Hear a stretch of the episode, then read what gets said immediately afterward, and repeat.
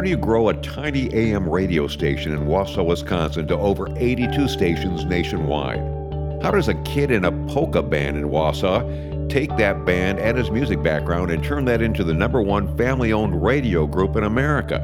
And how does a small family business become a big family business with 700 people? Uh, I'm still wondering that myself, but never saw it coming, I'll tell you that. Stand by for Brand Camp. Well, howdy, campers, once again. I'm so glad you came back to join me. Pull up your log, get around the campfire, and let's have fun at Brand Camp because Brand Camp is where business goes to brush up their brand. We know that there's no traction means no action in your marketing plan, and if you don't have a marketing plan, well, that's a losing hand. But if you say the right message in the right places, you're always going to get the right results. And that's what Transformation Brand Camp in our podcast series, The Masters of the Business Universe, is all about, featuring some of the most famous, successful small business people that became big business and uh, lived their dreams and in many cases went way beyond what they ever thought they could ever do. And, and that's one of those stories you're going to hear in a few seconds, actually. But I did want to remind you that you can join us all the time for Brand Camp at any place, favorite place you can pick up your podcast. And uh, if you have questions, please feel free to uh, email me, chuck at brandsformation.com, and even suggestions for guests as well. We like bringing those stories to you, the family of listeners here on our Brand Camp podcast. So today we are featuring a guy named Duke Wright, who is the owner of the largest group of radio stations in America, privately owned, called Midwest Communications. And uh, we're going to go to him right now. Well, I'm so excited and delighted today to uh, be talking to uh, today's podcast guest, one of the masters of the business universe. He's known as Duke Wright. And if you go to one of the most beautiful places in northern, the Midwest, uh, Michigan or Wisconsin or Minnesota, but anything north, and in northern Wisconsin, there's a little town called Wausau.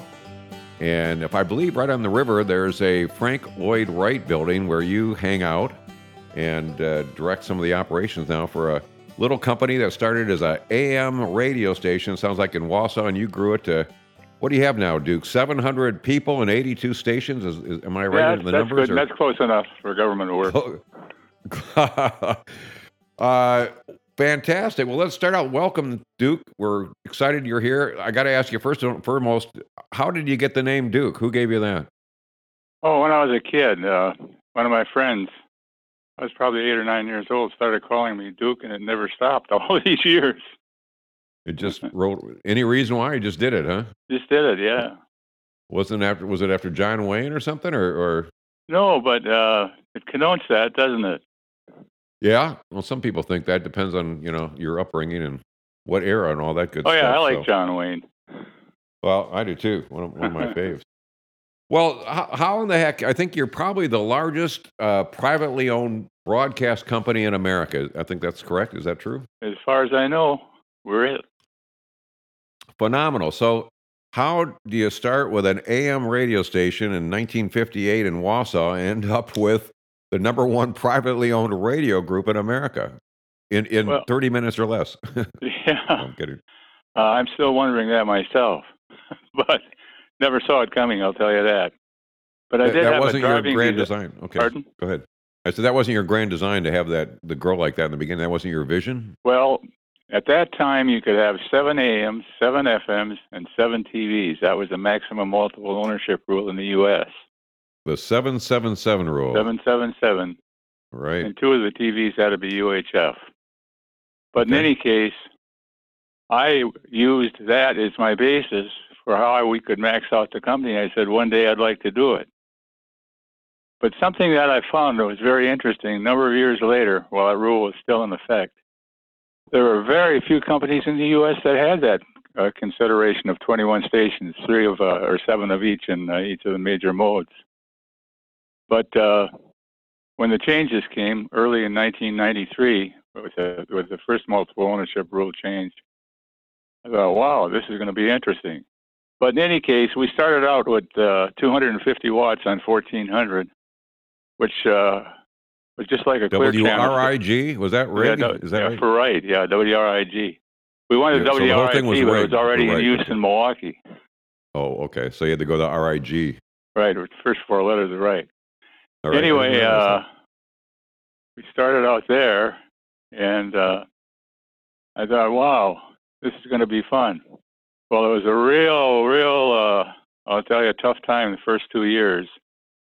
We finally got a thousand watts during the daytime hours and 250 at night in 1961, and things started getting a lot better at that point. Well, you were top 40, weren't you? That had to be the hot format, wasn't it? You just didn't Yeah. have enough signal to get it going. And Well, I think in fifth, go ahead. in Wisconsin, there are six stations on that frequency alone. Oh, So- my Lord. a lot of interference, a lot of stuff like that.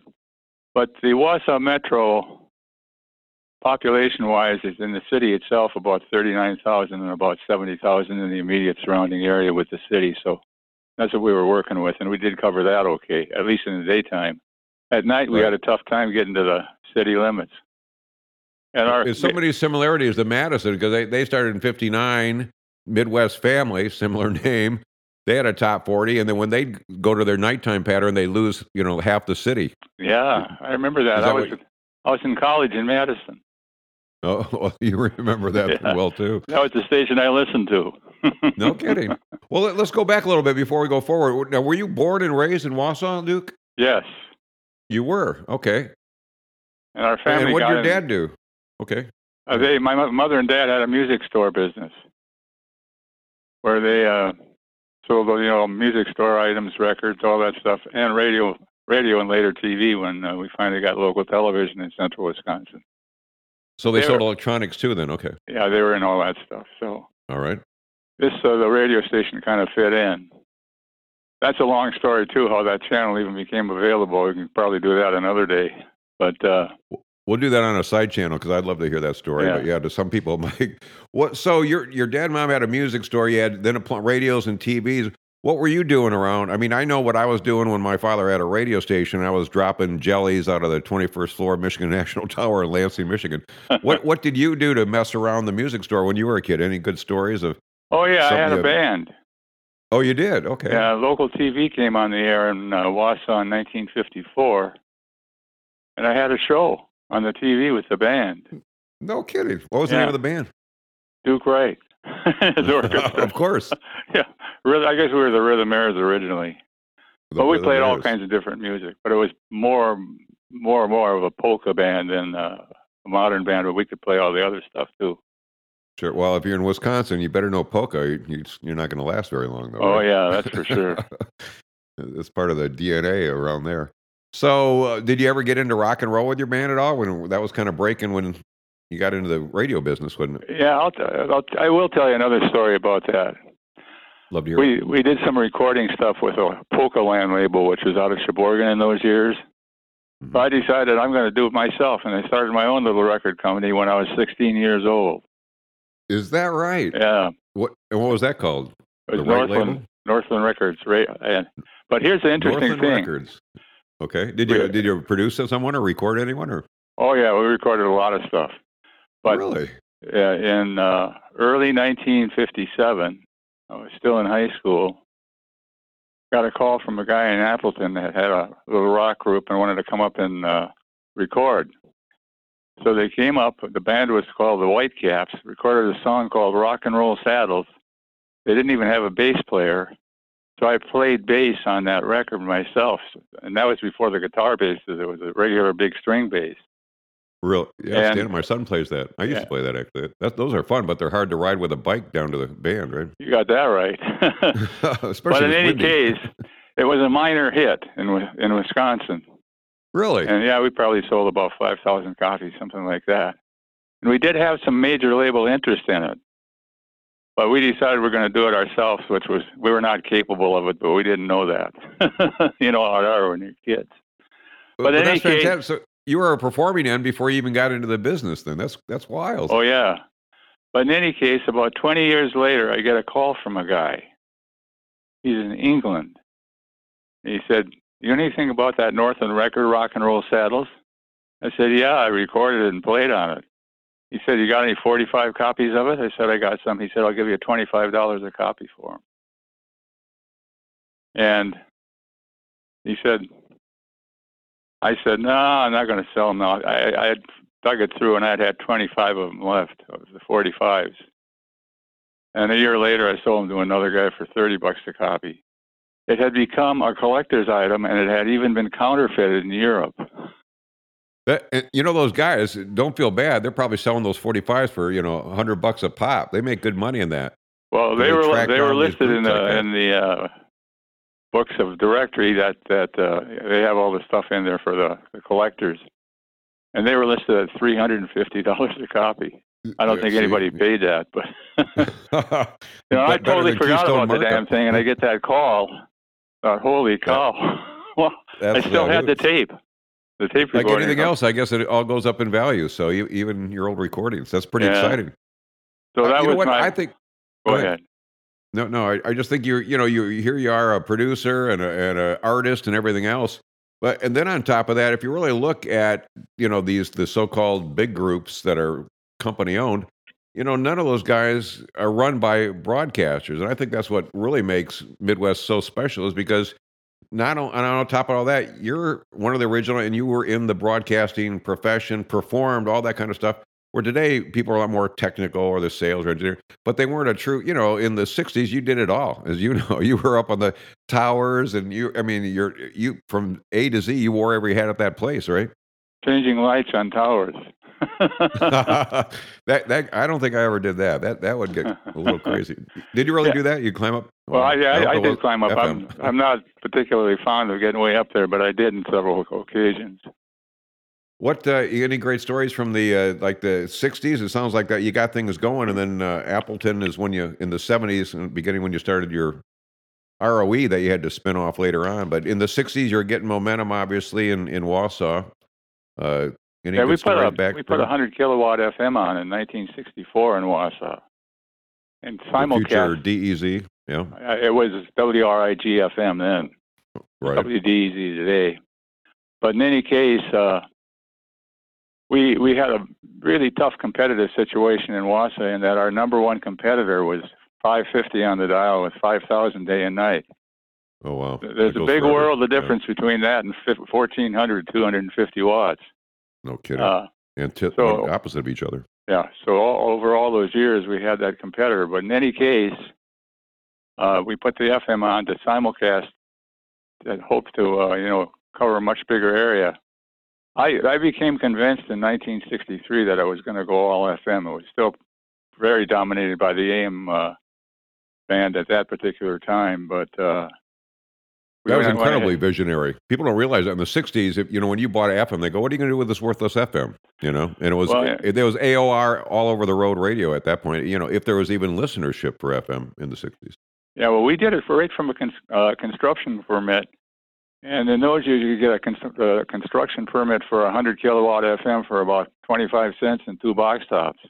Is that crazy? Why were you convinced it was going to be the future back when no one thought it was and no one listened back then? Because it was so technically superior to AM. You know, the sound is there. Uh, the stereo was there by that time. I think that's what really turned FM around in 1960 when they adopted a, uh, FM stereo. People started looking, well, maybe that's going to be something because they'll never do stereo on AM, which was later proven to be something yeah. that this technology could do, but it was later on. But in right. any case, I, I just thought it, you know, it was when the current FM band was allocated after World War II. There was about seven or eight hundred FM stations that came on the air, but unfortunately for the FM stations, television was starting at that time as well in many of the bigger markets, and uh, the FM thing never bloomed. By 1950, I probably half those FMs were turned off with the construction right. permits turned back into the FCC. All these worthless licenses. What are you going to do with them, right? Yeah. Worthless FM. But by 64, that had changed. And uh, the solid state technology had come around, and uh, receivers were much better than they were back in 47 and 48.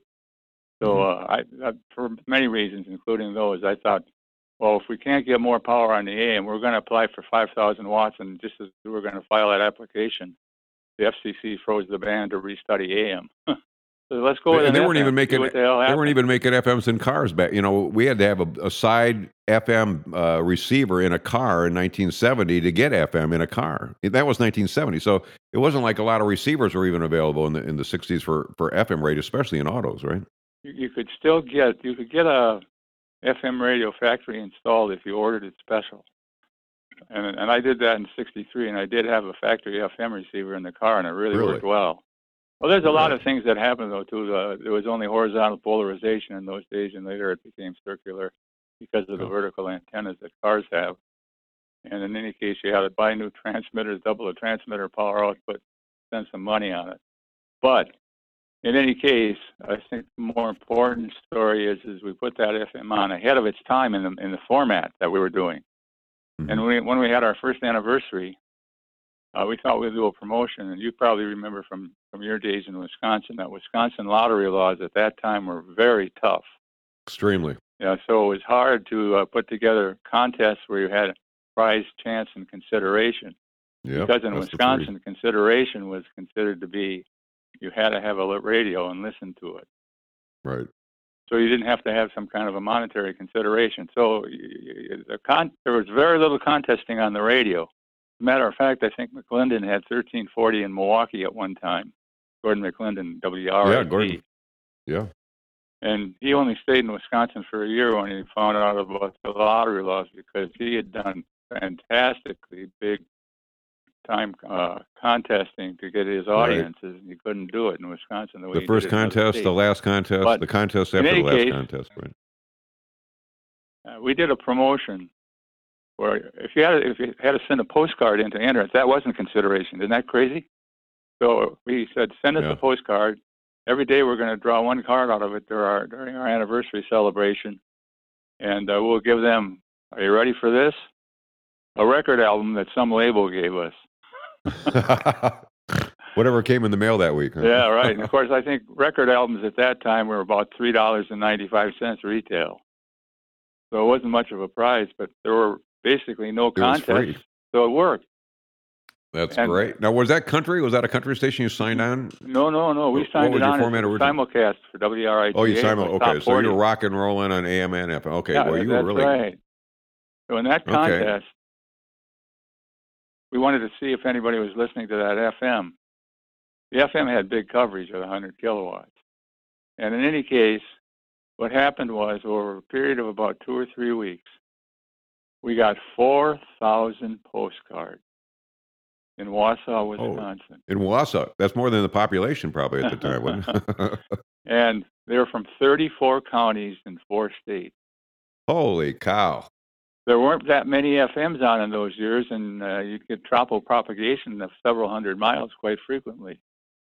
Wow, And uh, that really carried. so uh, that proved that there were people out there with FM radios, because you know a Yeah. goodly share of those were outside of the range of the AM station. That's that's amazing. Do you have the the iron ore issue there in Wausau like they do in you know Duluth? Uh, no, but in Wausau the soil is thin and sandy and rocky, and that's Mhm. bad ground conductivity. I think that's what you were looking at there. Yeah, right. So the AM right. signals really weren't AMs. as good as they were in, in other markets. I think Madison's Yeah. conductivity was about eight or four or something, and So Wausau's it was was in a swamp. That's a. I mean, you need a swamp, I guess, to make it work too, or something. Well, it helps, yeah. Or you need the soil they got in North and South Dakota. Right. What, what yeah, do we aim to get out out there? Well, in the daytime. You you had so you had this thing up and running, and uh, we were probably living similar lives. Only you you what you did was phenomenal because you grew your group. You're in Des Moines and Hibbing, kind of in the '80s, and grew like you know some of the groups did.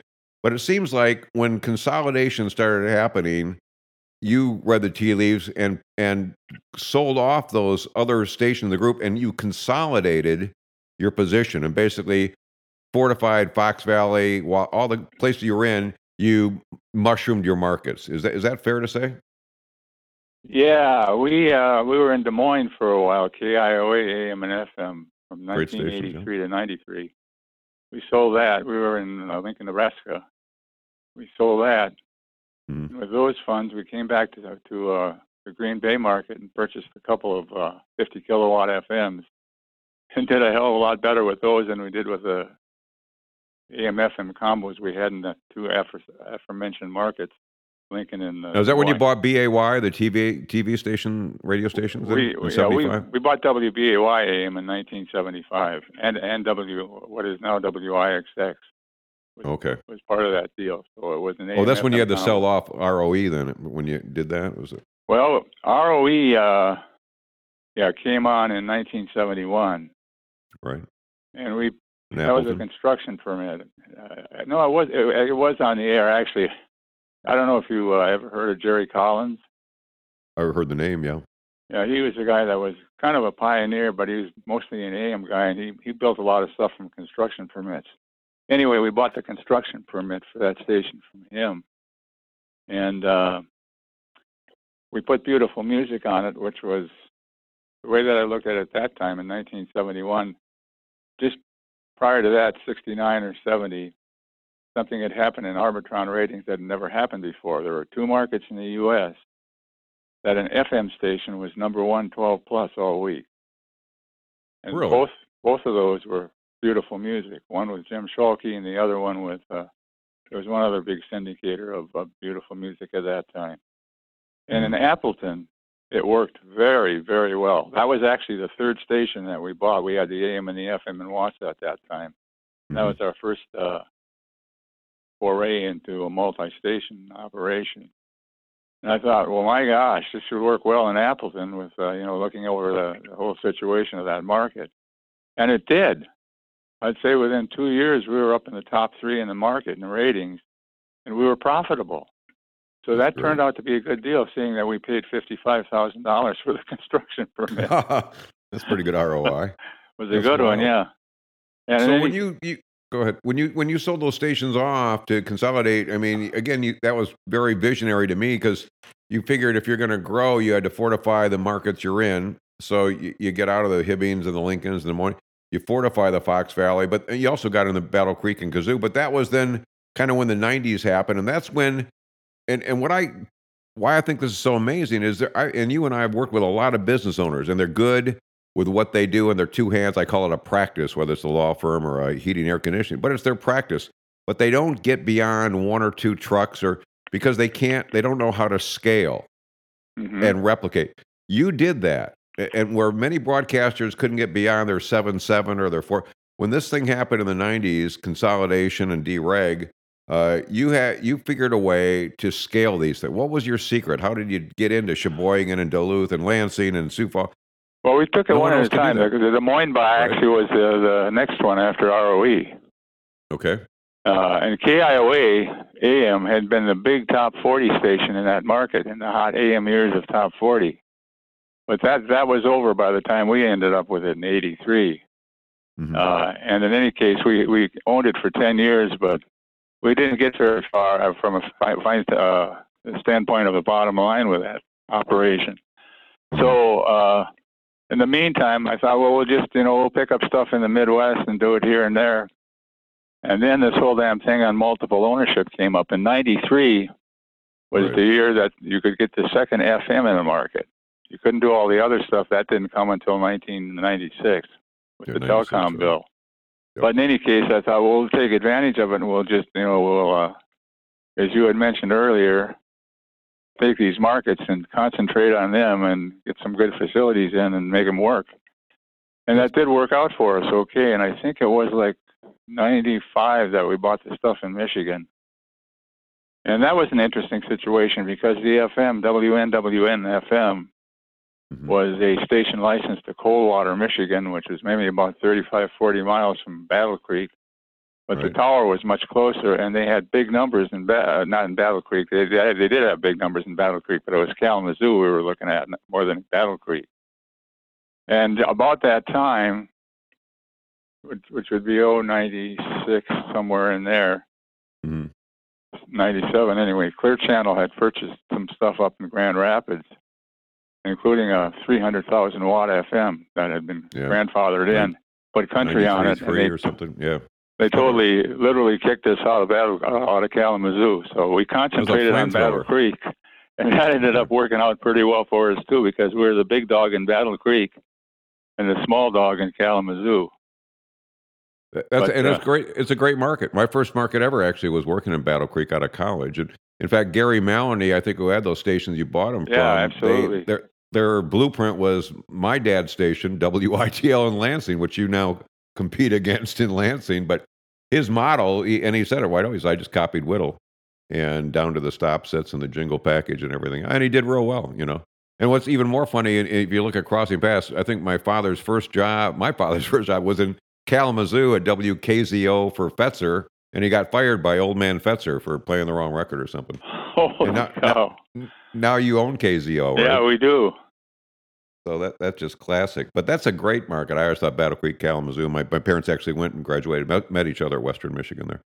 So, but you, you, when in the '90s, then you go on this tear with the Sioux Falls and Fargo, and and as a self-funded family business. I mean, did you do that all from within? You didn't really go to the banks, that, or how do- how do you grow something like that? No, we we have banks that, uh, but they don't. They aren't any. They don't own any shares or any stock. They're just right, facility for uh, funding. But right. in any case, I'll tell you what happened. I mean, in 1996, they had uh, totally opened this whole thing up to what we've got today. You know, where you could get up to Mhm. seven, eight stations in the market. Mhm. And I took one look at that, and I took a look at, at what the companies like Clear Channel were doing, and I thought, you know, this is a crossroads. We either got to go with this, or we got to get the hell out of the business because it's going to be the multiple ownerships that are going to dominate in the markets, which they do today. And uh, so that's where why we. I decided, what the hell? I'm having too much fun. I'm going to stay in it. you and me both. But you basically said, "I go, or I got to go, or I got to grow," and yeah, you you pushed one the or the button. other, and that's what we uh, chose to But you did it as still as a family business. I mean, you, you're at what 82 stations and 700. That's a big family, a lot of mouths to feed. But you still have a family structure, not the corporate, you know, iHeart kind of structure. right. The Well, you know, I really. Well, let me say this uh, with regard to Midwest Family. I always greatly respected that company. And when we were growing our group, I thought, boy, they're they're a nice big operation. They're doing super good. We hope we can do as well someday. And I kind of uh, they were saying know, the same uh, thing I about knew, you. I knew Bill you know. Walker. and when I'd go to Madison, or not rather to uh, to Chicago, Mhm. making calls, uh, I'd usually stop in Madison on the way and chat with him. And uh, so we decided to stay in and make it go. I got a call from a broker in 1998 or 99, one of the uh, the big guys in the business, the big brokers, and he said, "Hey, you want to sell your group?" And I said, "Well, tell me what you're looking at here." And he gave me a number. And well, I'll tell you, that number was high. it was my- tempting. huh? Yeah, and in my opinion, I thought they're not working worth nearly that much. And that was a hard decision to make. And I thought about it for about five minutes, and I'm not kidding. And thought, no, I, I said this before, and I'll say it again. I really love this business. I don't know what the hell I do. I like the business. I don't want the money. I'll keep the business. And so we did not go ahead. People were paying ridiculous prices for radio stations at that point. Yeah, Just out of prices the they still can't get themselves unburied from today, obviously, which is part of the problem with these bigger groups is they're they way Yeah, overpaid. absolutely. and- They got way in and over anybody's head, really. yeah, it was ridiculous. No, it was ridiculous. But it had to be tempting as heck. But like you said, then what are you going to do? It was, but you know, it's been my desire to make my lifetime career being in the radio business. I decided that by the 1960s, and so I thought, well, okay, let's go for it. We'll take a chance with it. We won't go nuts about it. You know, it's like Saga. That's another one. They didn't go nuts about uh, expanding, uh, and they were maybe even more conservative than we were.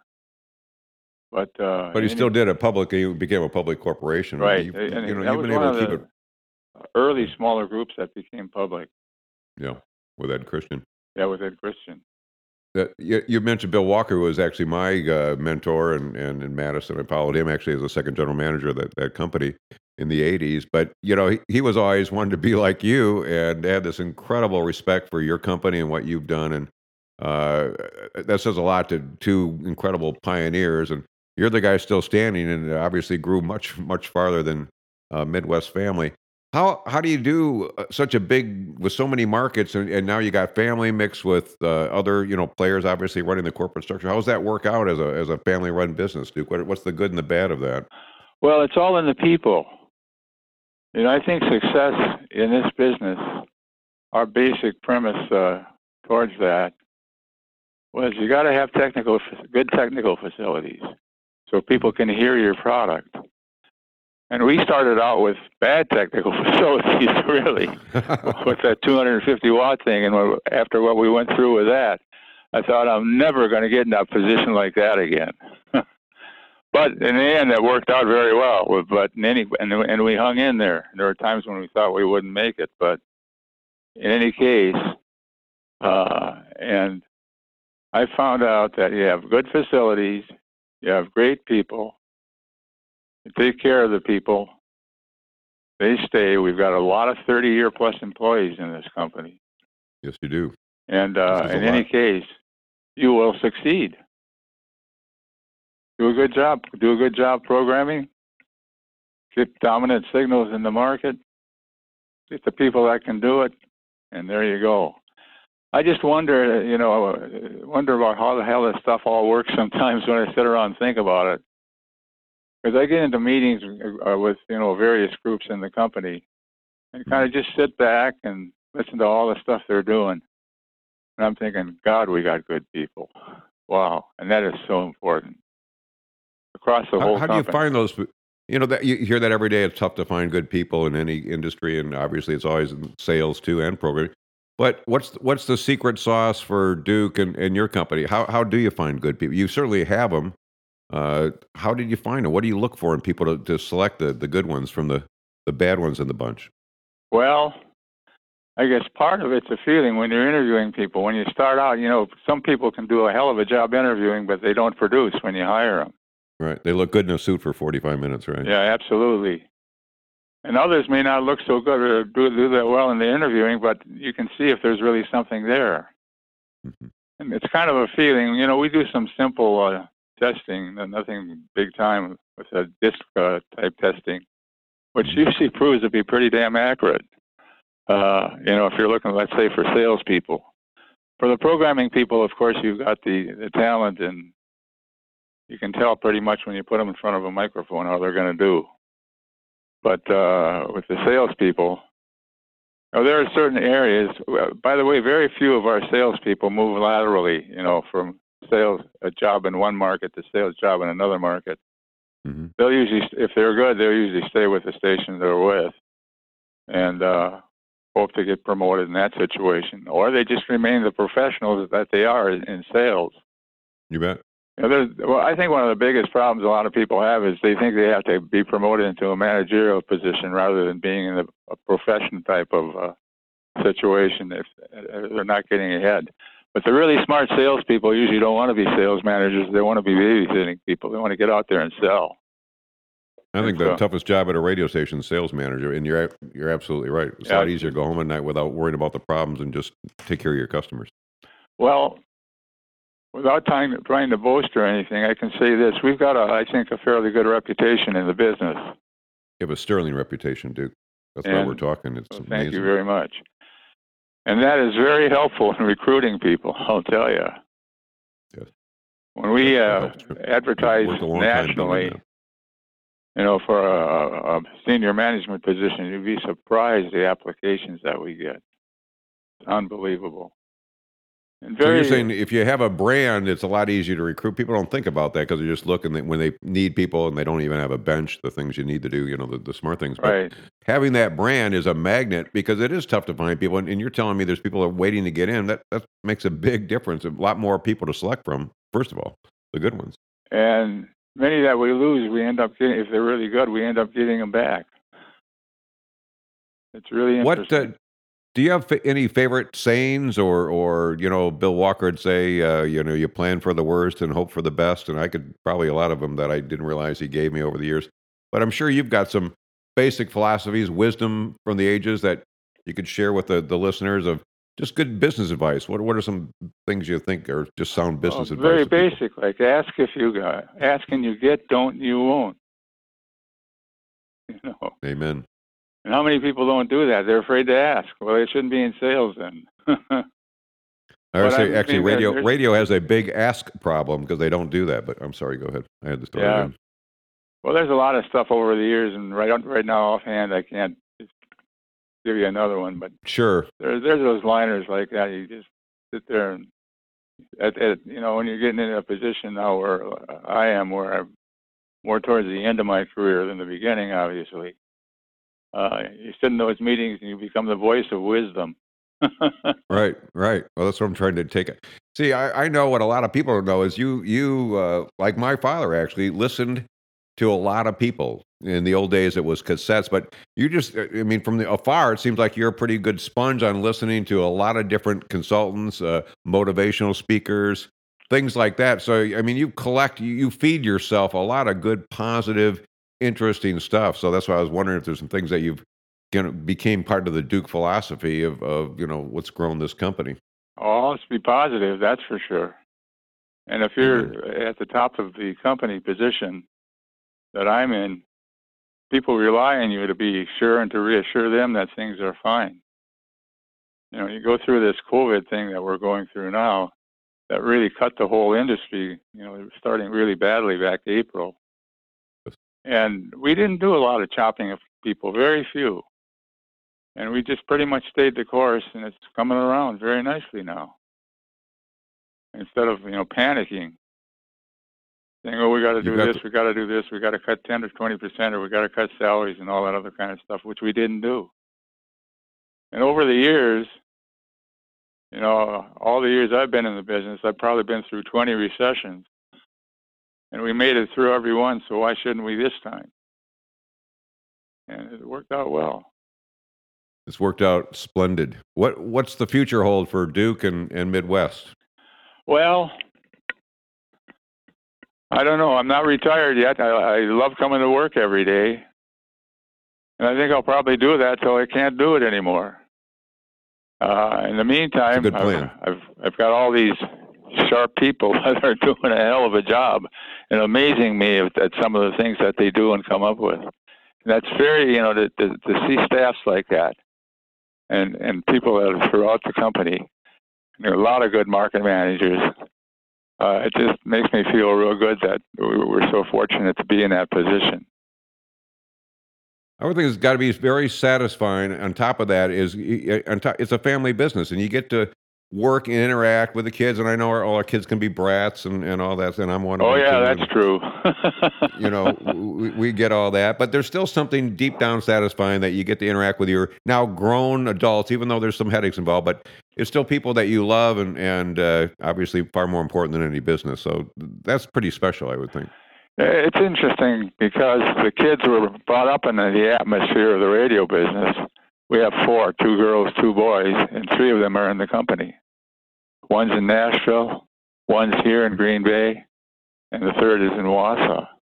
Mary Kay, Michael, and and uh, Jeffrey. So they're all SOBs. I call them SOBs and DOBs, son of the bosses and daughter of the boss. And I was one of those too. Absolutely. I mean, they were filing records when they were 10 years old. exactly. Or digging a trench out to tower number three. And, and cutting up Absolutely. The radio. So, yeah, exactly. And our fourth daughter, our fourth kid, our daughter Angela, is married to a Delta overseas pilot and lives in uh, uh, Tennessee, Washington, Tennessee. Uh, Does she think she was the smart one once in a while and stayed away from the whole family business, and or not? I don't know. I, sometimes I think she was.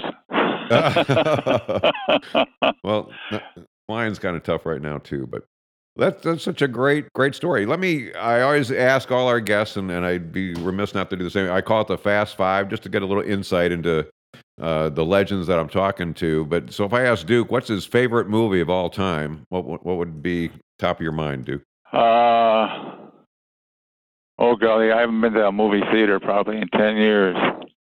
Neither have I. That's all right. Yeah, favorite movie. Well, now as a kid, it was the was the Bowery Boys. I don't know if you even remember that or not. I do absolutely, Yeah, Yeah. low budget What? kid type movies. but funny. Then the serials that the theaters would play in those years, you know, where you'd have to come every week to catch up with what happened to the stars between the time frame there and and Right. uh, Leo Gorcey and Huntz Hall and those guys with the Bowery Boys. And uh, Who's your in favorite later actor? years, I became more. I was never that interested in musicals, but in later years, I became more interested in that. Really? Yeah, like uh, Music Man or Oklahoma? yeah, all that or- stuff, the Broadway show stuff. I guess my father did too. That it influenced. Who's your favorite actor of all time? Then the, the actor. Well, I would have to say probably John Wayne, maybe Clint Eastwood, those hope so. kind of guys. Those men's men, you know. Yeah. Well, you're kind of to me. That's kind of your image in the broadcast industry. So, what what does Duke do to sharpen his axe, to get away, vacation, or hobby, or relax? What what do you do when you're not in the radio biz? Well, this is radio, the radio, but not radio biz. I'm a ham radio operator.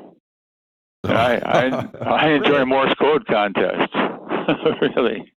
really. And maybe some radio teletype. Call my call letters are K9DJ. Uh, there you go. I was going to ask you what your calls are. Okay. Yeah. K9 DJ. Okay. The music. And- Okay. we got a baby grand in the living room. I play that. Show tunes, incidentally. Uh, and My father used to do that, and then he'd fall asleep under the grand piano after two hours. The music would stop, and we go, "Where'd Dad go?" And he was sleeping under the piano. But yeah, he would love to bang out the show tunes, just like that's amazing. Yeah. What great memories. and uh, you know that, that kind of stuff. That was You your mom and uh, dad who probably made you Frank take the Yankovic a piano number of lessons. times on accordion. Who? Frankie Yankovic. I don't know if you remember him or not, Oh yeah, oh yeah. He was Yeah. the man for polka, man. yeah, he had uh, two million sellers on, on Columbia Records. And the guy never stopped uh, traveling to the one stop, to the one nighters Uh-huh. until he was about 82 years old.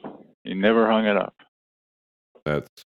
I think that's you know we all I think we all grow up thinking we're going to retire young and rich, and then you realize that's not going to happen. But at some point you go, why do I want to quit? I- I'm having fun. This is going pretty good, and I worked hard to get here. You know, and so you do change over the time, and yeah, I think you deserve to do whatever you want to do. Uh, Certainly, where you've come from, and, and do what you want to do. So Well, you know, Uh, sometimes it when I get up in the morning, I thought, gee whiz, maybe I should re- retire. Then I wouldn't have to dress and go to work.